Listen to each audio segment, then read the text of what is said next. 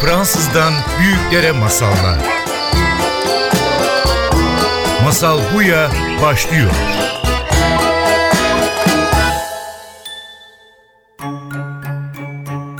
Merhaba, hoş geldiniz. Masal Buya başlıyor. Benim adım Judith ve bugün stüdyoda çok mutluyum. Nil Kara İbrahimgil ile beraberiz. Nil hoş geldin. Merhaba, hoş bulduk. Ve ilk önce bu sohbette her zaman herkese soruyorum. Çocukken senin hayatında masal var mıydı? Senin zaten hayatın bir masal gibi. O var mıydı? Masal anlatıldı mı sana? Kim anlattı? Hangi masal hatırlarsın? Ya çok enteresan. Bunu ben de kendi e, çocuğum olduğu zaman fark ettim ilk. Ben sadece kibritçi kız dinlemişim.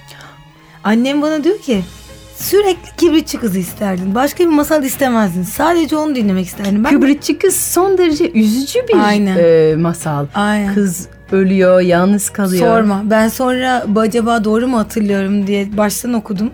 Bu kadar hüzünlü bir masal olamaz. O niye bir çocuk masalı olarak piyasada onu da anlamadım. Sen yani şimdi bunu çok çocuğuna anlatır mısın? Kıvıtçı kız. Bilmiyorum yani tabii çocuklara da hani sadece sen de biliyorsun öyle söylemiştin ve haklısın o konuda. Hani çocuklara sadece toz pembe harika bir dünya değil. Kötü taraflarını da hayatın göstermek lazım belki ama hani sırf gibi kızı dinlemiş olmak bayağı melodram bir çocukluk mu geçirdim acaba diye düşündüm. Ve sadece bu melodramatik masal dinleyen bir insan olarak büyüdün ve senin her bir şarkın aslında birer masal, birer hikaye yani. O nasıl başladı? Neden o kadar hikayeci bir şarkıcısın sence? Aa ne güzel yani bunu söylemiş olmanı çok sevindim. Çünkü e, ben hikayeleri yani herkes çok seviyor eminim. E, sırf ben değil hani insanoğlu çok uzun zamanlardan beri hikayelerle her şeyi öğreniyorlar. E, şarkı yazarken de birazcık hikayelendirmek eğlenceli oluyor ve değişik oluyor. Mesela bu kek tarifi şarkısı falan gibi hani e, şarkıyı dinleyerek portakallı kek yapabiliyorsun. Böyle şeyler çok hoşuma gidiyor. Ya müzik aslında hayatımızda girsin yani sadece ara sırada dinlediğimiz bir şey değil ama bize rehberlik etsin istiyorsun yani. Yani çok istiyorum aslında hani keşke daha fazla hikayeye e, şarkı sonuçta 3-3,5 dakika süren bir şey. Her şarkının yani bir sürü şarkının arkasında çok hikayeler var bunu çok hissediyorsun tabii ki zaten hikayelerin parçası gibi. Bizim seninle yapacağımız masal gibi bir şey. Yani insan hikayesini yazıyor, okuyor bir yandan. Bir yandan da onun müziklerini bizler bazen işte insanlara tercüman oluyoruz. İstemiyor musun bazen bir şarkının arkasında acayip bir hikaye var ve insan sadece şarkı biliyor ama arka plandaki hikayeyi bilmez. İstemiyor musun oturup konser yaparken onları da anlatmaya içinden gel- geliyor mu? Ya aslında e, senin verdiğin ilhamla diyeyim. Açık havada e, ben ilk defa bunu yaptım. Çok güzel, çok hoşuma gitti. Yani seyirciye sadece şarkıları değil, kendi hayatımdan küçük hikayeleri de anlattım. Sonra ya ben bunu niye daha fazla yapmıyorum deyip hatta birkaç kere konuşmalar da yaptım bununla ilgili. Çok hoşuma gitti. İnsanlar hikaye dinlemeyi çok seviyorlar. Ben de çok seviyorum. Ee, o yüzden hani sadece şarkıyla değil sözle de bazen bir şeyleri anlatmak e, ne kadar güzel oluyor, ne kadar ilham verici olabiliyor onu gördüm. E, herhalde bunu bundan sonra yapacağım çünkü çok hoşuma gitti. Çok güzel. E, zaten Hürriyet'te Kelebek'te 11 senedir hı hı. her hafta insanlara küçük bir hikaye anlatıyorsun. Bir de şarkı söylüyorsun. Şimdi onları konserde birleştirmeyi başlıyorsun. Bir hikayeci, şarkıcı mısın? Acaba? Evet inşallah. Yani öyle olmak isterim evet. Çünkü hem yazıyorum hem şarkı yazıyorum. Şimdi yavaş yavaş konuşmaya da başladım. Evet ee, bu, bu ay benim laklak ayım diye diye. Evet laklak ayım yazdım evet. Hayatımda ilk defa bu açık havadan sonra işte marka konferansı, Aydın Üniversitesi falan gibi değişik yerlerden e, teklifler gelmeye başladı. Hani gelip acaba konuşur musunuz diye. E nasıl geçiyor? Bu ay böyle Çok şeyler yaptın. Çok güzel geçti. Neyinden bahsettin örneğin bu ay? Yani Aydın gittin? Adnan Menderes Üniversitesi'ne giderken şöyle sordular bana. Dediler ki soru cevap yapmak ister misiniz? Yani soru cevap yapabilirsin ama soru cevapta zaten aşağı yukarı biliyorum neler sorulacağını. Ben daha fazla bir şeyler anlatabilirim onlara diye düşündüm ve e, ben onların yaşındayken nasıl hissediyordum ve neye ihtiyacım vardı? Hmm. Neyi duymak isterdim? Yani ben o yaşta olsaydım 18-20 yaşında ve üniversiteye biri gelseydi ve ben zamanımın yarım saatini bu insana verseydim ne duysaydım da bana bir anahtar olurdu bunu düşündüm. Ve üç tane cümle buldum. O üç cümleden bir tanesini taç yaptım. Birini güzellik yarışmasının birincisi şey, kurdele vardır ya ondan yaptım. Bir de tişört yaptım. E, çünkü zamanım az. Çok fazla şey anlatamam. Ama bu üç cümleyi onlara anahtar olarak vermek istedim. Ee, ve kısa zamanda işte anlatabildiğim kadarıyla bunları söyledim. Marka konferansında da jingle'lardaki maceramı Dur anlattım. dur dur. O üç cümleler neymiş? Ha, Aha, onu merak ediyoruz. Evet ama o cümleyi tabii ki hani şimdi söyleyeceğim ama e, şeyle dinlemek lazım. E, neyin parçası olduğunu bilerek Tabii söylemek ki. lazım. Bir tanesi bendeki bana yeter. O, taç. taç. Taç. Bendeki bana yeter. Evet. E, kendimi suçlu hissetmiyorum. Bu güzellik Güzel Evet. şey çünkü herkes kendi kainatının güzeli ve kendisini suçlu hissetmesine gerek yok yaptığı şeyler için. E, sonuncusu da böbürlenme, kibirlenme, köpürme, abart, çoğalt, parlat. abart, Çoğalt, parlat. O da tişört. çoğalt, parlat. Aynen. Tişört. Evet. Ben bundan bir tişört istiyorum Evet, ya. evet. Abart, çoğalt, parlat. Aynen aynen seve seve sana veririm. Evde Nasıl var. tepkiler? Gençler Ya çok güzel, güzel. çok güzeldi. Tabii ki kısa. Aslında keşke biraz daha uzun olsaydı. Hani ben çıktığım gibi böyle inmişim gibi hissettim. Sonra bu konuşma değil ama e, marka konferansı. marka konferansında da çok ilginç bir şey oldu. Orada Ona da be- Serdar'la beraber gittin hayır o Brand Week. Ah, pardon. Onda Geri Serdar sağ bunu. olsun bana pek konuşma fırsatı vermedi. Onda beraber jingle yaptık. O zevkliydi. Yani live olarak doğaçlama jingle yaptık. Evde nasıl yapıyorsak öyle yaptık. Yani o zevkliydi. Evet yaratıcı beraber evde yaptığınız yaratıcı Evet. prosesi Onun orada. sahnede yaptık. Hmm. O yüzden güzeldi bence. Ama marka konferansında da jingle maceramı anlattım. Yani ben bu işe nasıl girdim? Hangi jingle'ları neyi düşünerek yaptım? Kabul edilmeyen jingle'larım neler? O bölüm çok alkış aldı. Çünkü çok komik jingle'lar var kabul Bir tane edilmeyen. alabilir miyiz ya? Kabul edilmeyen Ee, bir jingle merak ettim şimdi. Çok komik. Bir tane şey vardı. Buz diye bir içecek. Ve bana dediler ki işte Nil Hanım biz buz diye bir meyve suyu çıkarıyoruz. Bunu işte bütün marketlerde e, yakında pazarlayacağız. Siz bize bir jingle yapar mısınız? Bizim için dediler önemli olan ismimizin akılda kalması. Çünkü biz yeni bir markayız. Herkes ismimizi bilsin. Ben de onun üzerine şöyle bir şey yapmıştım. Buz içiyoruz buz Dünyamız gelir vız Doğal meyve suyumuz buz Ama iyi huyumuz Senle de içeriz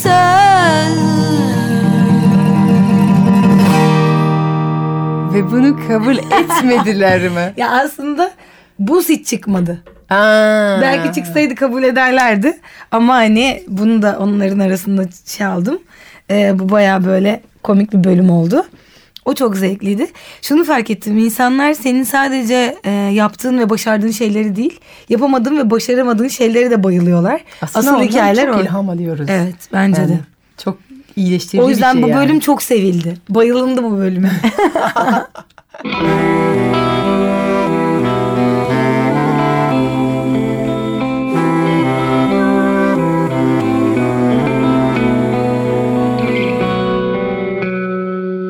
Sen beni boşuna hiç kalbinin oralara koyma Kollarını bana sarma Kalamam oralarda Sen de gül eğlen öyle acıklı konuşma.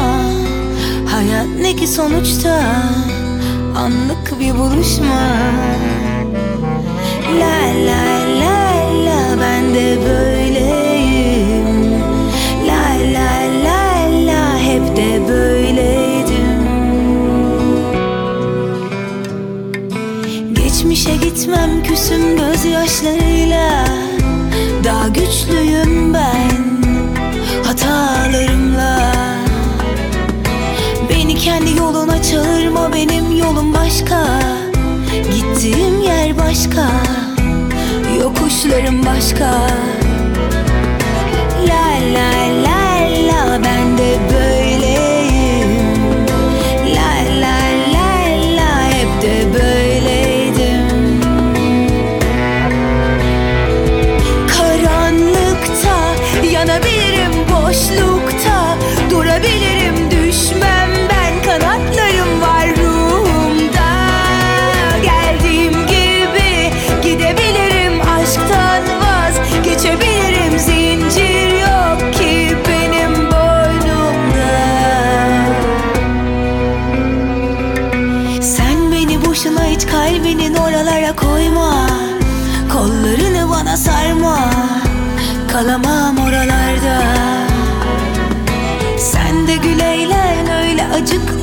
konuşma. Hayat ne ki sonuçta? Anlık bir buluşma. La la la la ben de böyleyim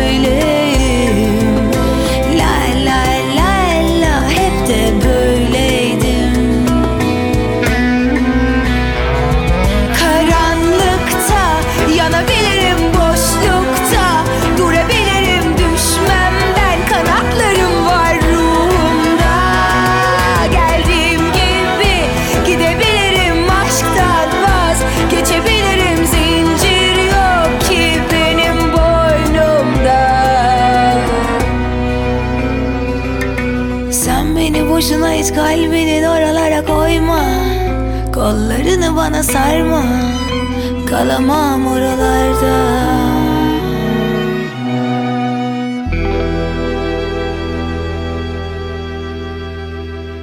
Peki devam edecek misin sence lak lak yapmaya? Ya lak lak yapma ajanslarından bana teklifler gelmeye başladı. Lak lak ajansları.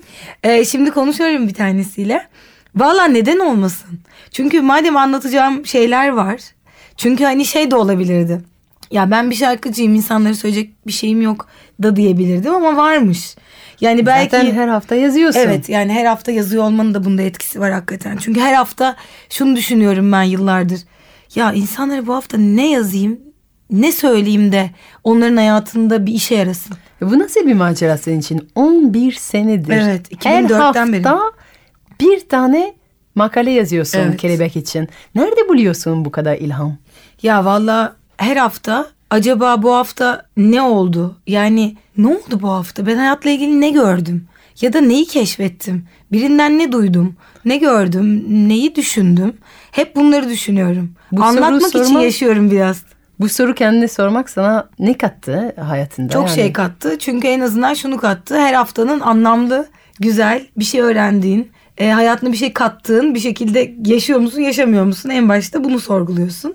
Bu da çok güzel bir şey. Bu sene ikinci defa yapıyorsun bunu. Kelebeklerin en sevdiğin kelebeklerin Evet. arasına seçip Evet. bir kitap çıkarttın. Evet, evet, aynen. Ee, Nil'in kelebekleri. Evet. Doğan'dan çıktı. Demek ki geriye baktın. Hangi yazılarımı kitaba koymak istiyorum diye seçtin. Bu, Ya- bu da ilginç bir şey olmalı. Yani önümüzdeki geçen iki seneden mi çıkarttın yazıları? Şöyle bir şey oldu. İlk Nil'in kelebekleri çıktı. Sonra üzerinden bir sürü yazı daha tabii ki yazıldı. Sonra ben şuna üzüldüm. Gazetede sadece pazartesi günleri yazdığım bir yazı. E, Salı günü yok. Mesela ben bazen bir arkadaşıma ya ben pazartesi yazımda işte tam da bunu anlattım okumuş muydun dediğimde ya hay Allah falan deyip internete girip onu bulması gerekiyor. Geriye dönüp bakması gerekiyor. Ve bu bende şeyi uyandırdı. Yani gazete ne kadar yok olan uçup giden bir şey. E, ben bunları kitaplaştırsam insanlara anlamı olan bana göre onlara bir şey söyleyebilecek yazıları toplasam iyi olmaz mı diye. Bu sefer Kelebeğin Hayat Sırları diye bir kitap çıkardık. Ve gerçekten yazarı seçerken editörümle beraber e, şuna çok dikkat ettik. Her bir yazı zamansız bir şekilde herkese bir şeyler söylesin. Sadece bugün değil 10 yıl sonra da ihtiyacı olduğunda o yazı ona bir şey söyleyebilsin. Kendimizce bu yazıları birleştirdik. Şimdi aslında e, yeni yıla hediye olarak da şöyle bir şey yaptık. E, gençliğime sevgilerimle yazımı müzikli olarak okudum. Aa, Evet ona bir klip yaptık. Ee, artık böyle aslında audio olarak da bunu arabada giderken mesela dinleyebilirler. ay çok keyifli. Evet enteresan oldu. En çok e, ilgi gören yazın hangisi? Vallahi herhalde bu. Çünkü gençliğime sevgilerimle e, yayınlandığı gün böyle inanılmaz paylaşıldı. E, o hafta da çok fazla paylaşıldı. E, paylaşılmasını da doğal buluyorum çünkü şöyle bir başlayan bir yazı. Eğer bugün kendi gençliğime yani 17 yaşıma dönseydim kendime şunları söylerdim. Böyle başlıyor. Ve gerçekten o yazıyı hiç düşünmeden yazdım ben. Aktım yani. Hakikaten 17 yaşım şurada oturuyor olsa karşımda kahve içiyor olsak anasını satayım ona bütün bunları söylerdim e, diye düşünüp Ve aslında e, Aydın Üniversitesi'nde aynı şey yaptın. Aydın Üniversitesi'ndeki konuşmamda zaten o yazıdan o cümleler. Hepsi üç cümlede o yazıdan. Evet şimdi beraber bir masal zaten söyleyeceğiz. Evet beraber Onu da masal söyleyeceğiz. Onu da müzikli yapacağız. Onun Hadi gibi. bakalım neler çıkacak. Bakalım neler çıkacak çok merak ediyorum. Hayatımda ilk defa böyle bir şey yapacağım sayende. Harika. Ee, ve bir de masala yeni bir ilgi alanın olmaya başladı. Çünkü bir sene oldu mu? 13 ay oldu Evet mu? 19 ay On- Aziz Arif. Evet. On- 19 ay önce senin çocuğun oldu. Evet. Ve onun için bir daha masal dünya, o eski püskü kitapları Aynen. açmaya başladın. İlk tanıştığımız zaman zaten bunun vesile beraber Evet, oldu. aynen öyle. Çocuğuma ne anlatacağım, nasıl anlatacağım diye sormuştum. Nasıl gidiyor o masalcı anne yönün? Vallahi- Anlatıyor musun? Anlatıyorum. Ee, her gece yatmadan önce bir ritüelimiz var. Ee, onun çok sevdiği kitaplar var. Onları okuyoruz. Bir tanesi Tolstoy roman. Bu Yıldırım Türker'in çevirdiği işte Grafolo kitabı. İnanılmaz güzel bir çeviri. Ben aslında onu müzikli de yapmak istiyorum ona. Ee, yani Aziz Arif'le beraber şunu fark ettim. Çocuk kitapları büyük kitaplarından daha güzel. o kadar inanılmaz güzel kitaplar var ki. Yani sırf bu hafta 7 kitap daha ısmarladım ona. Herhalde evde onun kitapları birkaç yıl içinde bizim kitapları geçecek. Ki biliyorsun bizim evde çok büyük bir kütüphane var. Ona rağmen hani doyamıyorum çocuk kitabı almaya. Ee, Sen ona doğmadan önce şarkı yazmaya başladın. Şimdi Evet. ona kitap yazacak mısın? Ee, Valla çok istiyorum. Sen de biliyorsun bunu konuşmuştuk. Aziz Arif doğduktan sonra üretimi tamamen yani madem ben içinden müzik çıkan bir e, menbaayım. O zaman bunu çocuklar için nasıl kullanabilirim? Çocuklara neler anlatabilirim? Onları hayata hazırlayacak küçük hikayeleri bulabilir miyim? Onlara ninniler söyleyebilir miyim? Şimdi artık bunlar bana ilham veriyor. Bu beni ilgilendiriyor ve aslında bunlar bu konulara daha çok girdim. Ee, bakalım inşallah. Bugün 1 Ocak. Evet. 2016 başlıyor. evet. İyi Bir baş- seneler. İyi seneler diliyorum Ben de sana. sana diliyorum. Her şey gönlünce olsun. Senin de. Peki bu sene senin neyin senesi olacak? Var mı böyle bir? Nasıl bir hissiyat var? Neleri açılmak istiyorsun bu sene? Neler dilersin kendin için ve hepimiz için? Vallahi hepimiz için, kendim için, bütün çocuklar için sağlık diliyorum her şeyden önce. Anne olunca her zaman sağlık diliyorsun ilk. Ee, ondan sonra şans diliyorum. Herkes inşallah bu sene ulaşmak istediği şeye ulaşsın, elini uzattığı şeyi tutsun. Şans ve ne diyeyim? Senin Ee, özel bir projen ilhamlar- var mı? Efendim? Senin özel bir projen var mı 2016 için? 2016 Ya da için hayalin. çocuk işte. Belki bir çocuk kitabı. Belki bir çocuk albümü. Bilmem. Göreceğiz. Yaşasın. O zaman Nil sana çok teşekkür ederim. Ben de Şimdi zaten ayrılmıyoruz. Çünkü bir sonraki bölümde Evet. beraber bir masal uydurmaya evet. çağırıyorum sana. Zaten bak şimdi diledin ve hemen oluyor. Ben sana bir masal sunuyorum. Ve bakalım sen bize nasıl şarkılar ve eşlikler uyduracaksın. Bakalım. Tamamen doğaçlama akalım. Evet aynen. Güzel Bakalım olsun. göreceğiz. Süper. İnşallah güzel olur. Ee, bir şey daha söylemek istiyorum. Bu masal hani şu anda ne olduğunu bilmiyorum ama inşallah herkese ilham versin. Ve bu senesine ışık olsun. Harika. Çok teşekkür ederim Ben teşekkür için. ederim. Masal Buya devam ediyor.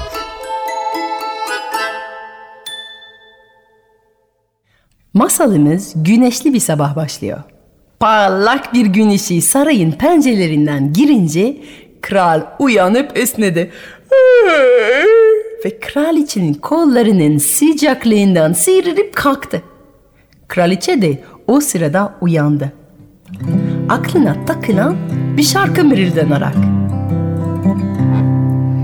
Üç yumurtayı kırdım önce Portakal dilimledim ince ince Göz kararı da biraz süt kattım kalktım Sana kek yaptım Mutlu bir gün daha başlıyordu Mihrimah Kralında.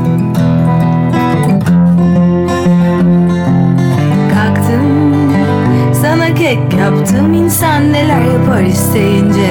Bu bir şey değil. Düşününce Ben de tarifi öğrenince kalktım. Sana kek yaptım.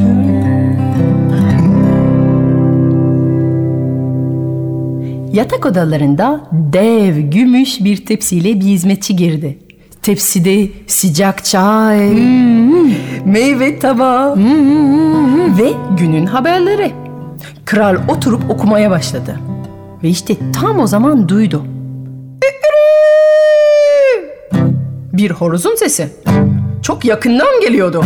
Uzaktaki kümesten değil de yan odadan geliyor gibiydi. Kral sadece İlginç diye düşündü ama daha fazla merak etmedi ve okumaya devam etti.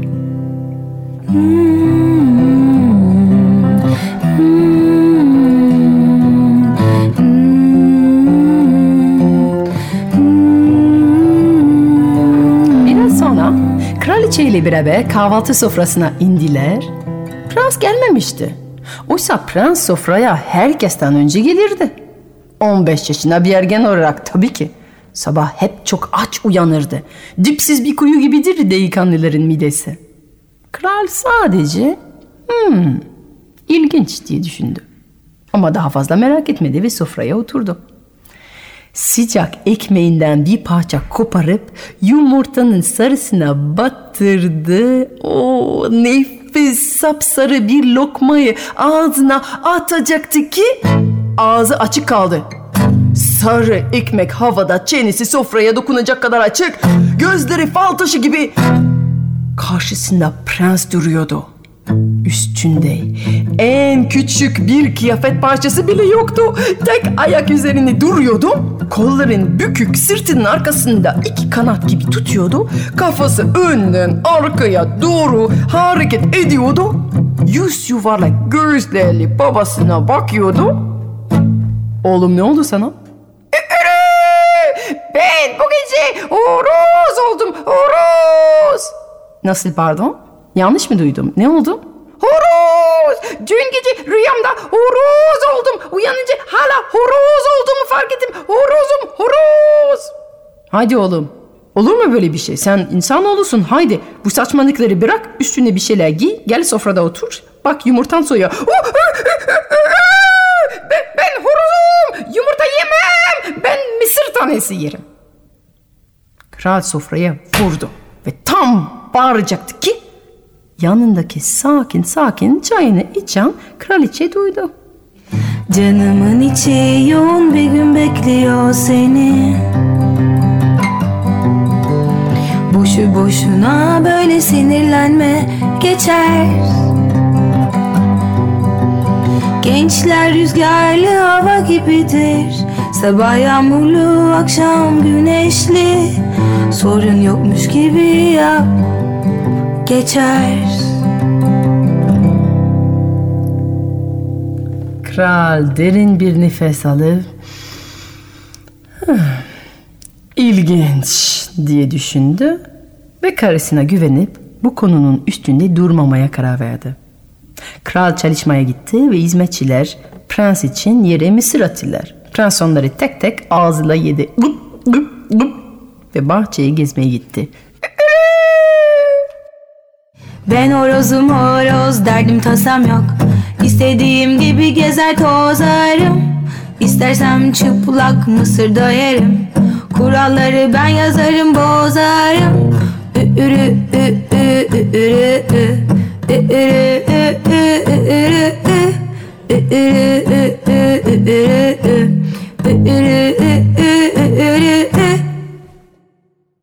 Akşam geçmemişti. Ve bir sonraki sabah kral oğlunu yine yerdeki mısır taneleri gagalarken bulunca saray doktorlarını çağırdı. Önce bir doktor geldi. Prensin ateşini ölçtü, nabzı tuttu. Sonra bir doktor daha. Prensin akciğerlerini dinledi. Başka bir doktor gözlerini ışık tuttu. Dördüncü bir doktor boğazına baktı.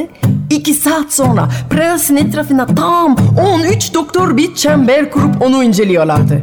Ve ilaçlar başladı. Bir parça kremle o iki damla yağ kokla Üç kaşık şurup iç dört mavi hap yut Bir parça kremle o iki damla yağ kokla Üç kaşık şurup iç dört mavi hap yut Bir hafta boyunca bu tedavi uygulandı. Ama işe yaramadı. Prens her sabah bütün saray "Ü-ürü" sesiyle uyandırıyor ve sarayın koridorlarda çıplak geziyordu. Kral her sabah saçlarını avuç avuç yolluyordu. Bütün krallıktaki doktorları çağırmaya başladı. Bu sefer yüz doktorluk bir çember prensi incelemeyi başladı. Ve yeni ilaçlar ve reçeteler başlandı. Daha güçlü ilaçlar, daha yüksek miktarlar. On kere mekik çek yirmi yudum çay Otuz kaşık pembe toz elli derin nefes al Bu tedavileri bir horoza uygulatmak kolay olmadı tahmin edersiniz. Bir de üstünü üstlük hiçbir işe yaramadı. Kralın saçları artık kendiliğinden dökülüyor. Başı eğik sarayın koridorlarında geziyor ve her sesini duyduğunda ağlıyor. Üç ay.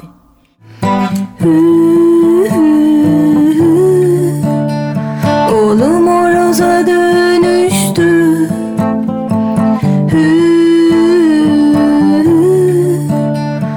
Gözlerimde yaşlar var Üç ay hiçbir iyileşme görmeyince kral oğlunu iyileştirmekten vazgeçti. Sarayın kapıları bütün şifacılara, doktorlara, şamanlara kapatıldı. Artık zaten saray misafir de kabul etmiyor. Yerler horoz yemi dolu ve prens son derece mutlu ve neşeli bir şekilde horoz hayatını sürdürüyor. Ben horozum horoz derdim tasam yok İstediğim gibi gezer tozarım İstersem çıplak mısır da yerim Kuralları ben yazarım bozarım Ürü ürü Ürü ü ü ürü ü Ürü ü ü ürü ü Ürü ü ü ürü ü 2, 3, 4. Bir gün sarayın kapısında bir yolcu geldi. Vücudu baston gibi. Uzun ve ince, yüzü yürüyüp geldi yolların toprak rengini almış. Uzun beyaz sakalı temiz bir düğümle çenesinden sarkıyordu. Gözlerine bakan herkes sonsuz bir gök mavisinde uçuyordu. Sarayın kapısındaki muhafızlara prense iyileştirmeye geldiğini söyledi. Kapıdakiler ona artık saraya hiç şifacı alınmadığını söyledi. O da muhafıza önemli bir mesaj verir gibi krala söyle. 1, 2, 3. Bazen bir insanı çamurdan çıkartmak için önce bizim çamura girmemiz lazım. Bazen bir insanı çamurdan çıkartmak için önce bizim çamura girmemiz lazım. Bazen bir insanı çamurdan çıkartmak için önce bizim çamura girmemiz lazım. Muhafız hiçbir şey anlamadı ve korktu. Acaba bu mesajı iletmesi gerekir mi? Hemen baş muhafize yolcunun mesajı iletti. Bazen bir insanı çamurdan çıkartmak için önce bizim çamura girmemiz lazım. Bazen bir insanı çamurdan çıkartmak için önce bizim çamura girmemiz lazım. Bazen bir insanı çamurdan çıkartmak için önce bizim çamura girmemiz lazım. Baş muhafız bu mesajı dinledi ve hiçbir şey anlamadı. Hmm, bunu ancak kral anlar dedi. O yüzden hemen kralın huzuruna gidip ona yolcunun mesajı iletti. Bazen bir insanı çamurdan çıkartmak için önce bizim çamura girmemiz lazım. Bazen bir insanı çamurdan çıkartmak için önce bizim çamura girmemiz lazım. Bazen bir insanı çamurdan çıkartmak için önce bizim çamura girmemiz lazım. Kral sakalını okşadı, okşadı ve hiçbir şey anlamadı. Ama kral olduğu için onu belli etmek istemedi. O yüzden işte böyle birini bekliyordum dedi.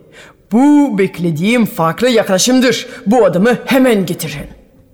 Ve kapı yanında bekleyen yaşlı yolcu hemen getirdiler. Kral onun gözüne bakıp hemen sonsuz mavilerin içine uçtuğunu hissetti. Ve bu şifacının gerçekten gelen herkesten farklı olduğunu anladı. Oğlumu iyileştirebilir misin? Deneyebilirim efendim. Ama benim yollarım çok farklı ve ancak itirazsız çalışmama izin verirseniz bu sarayda kalırım diye cevap verdi. Zaten ancak farklı bir yol işe yarar bilinen bütün yollar denendi. Oğlumu iliştirmen için ne ihtiyacın olursa olsun bütün malzemeleri getirtirim. Ama lütfen tek oğlumun benden sonra iyi bir kral olabilmesi için onun aklının geri gelmesi sağla. O zaman oğlunuzu bana getirin, tedaviye hemen başlarım diye cevap verdi yaşlı bilge. Kral oğlunu çağırmaya gitti ve yaşlı bilgenin yanında geri geldiklerinde yaşlı yolcu masanın altında üstüne en ufacık bir kıyafet parçası olmaksızın yerdeki misirlerin sakin sakin gagalıyordu. Kral ve oğlu aynı anda sordular. Ne, yapıyorsun masanın altında böyle? Yaşlı adam kafasını öne arkaya oynatıp onlara e görmüyor musunuz? Mısır yiyorum. Mısırlar horozlar için değil mi? Prens yeni bir arkadaş edindiği için son derece mutlu oldu. Masanın altına koştu ve bütün sabah beraber yerdeki mesirleri yediler. Artık sarayda çıplak bir prens ve çıplak yaşlı bir adam geziyor. Diyerek. Kralın kafasında tek bir tel saç kalmıştı. Onu da o sabah kaybetti. Prens ve yeni arkadaşı sabah güneş çıkar çıkmaz bütün sarayı itinayla uyandırıyorlardı. Sonra beraber sohbet edip bahçede geziyorlar. Bir ay, iki ay geçiyor. Prens çok mutlu. Yaşlı adam çok mutlu. Ama kral deliriyordu. Biz horozuz horoz der çok tasa yok İstediğimiz gibi gezer tozarız İstersek çıplak Mısır'da yeriz Kurallara biz yazarız bozarız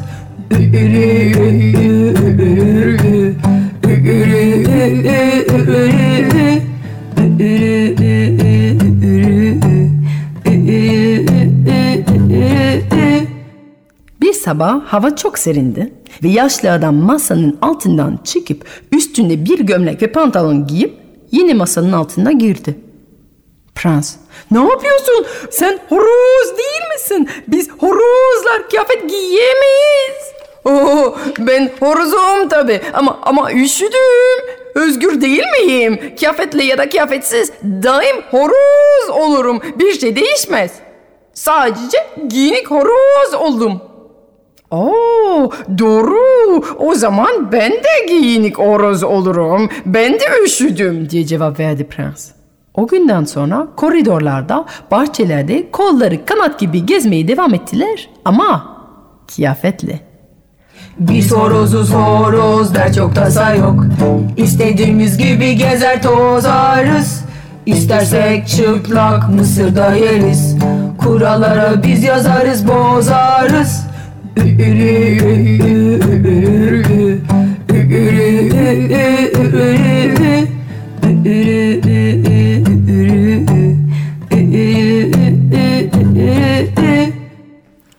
hafta geçti ve bir gün akşam yemeğinde nefis safranlı pilav geldi. Bin bir baharatla üzümlü kayısıyla pişirilmiş bir kuzu eti.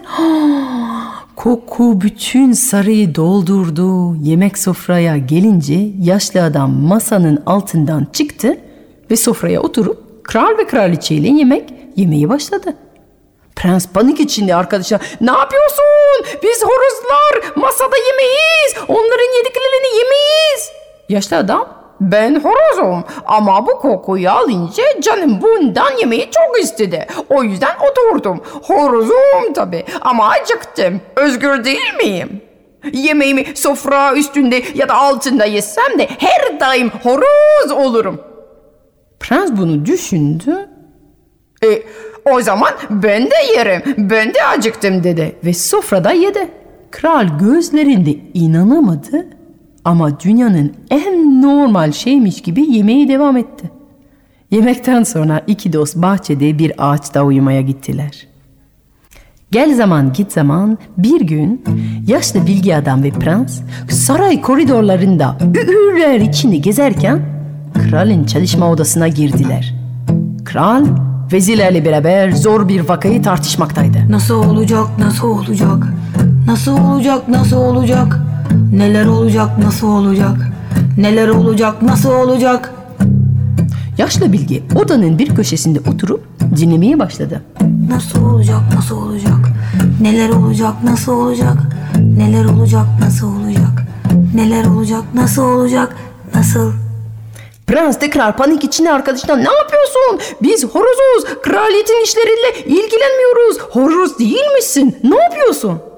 Tabii ki ben horozum. Tanımıyor musun beni? Ne de olsa bir horoz olarak. Burası benim ülkem ve bunu merak edip dinlemek istedim. Özgür bir horoz değil miyim? İstedim yapmaz mıyım?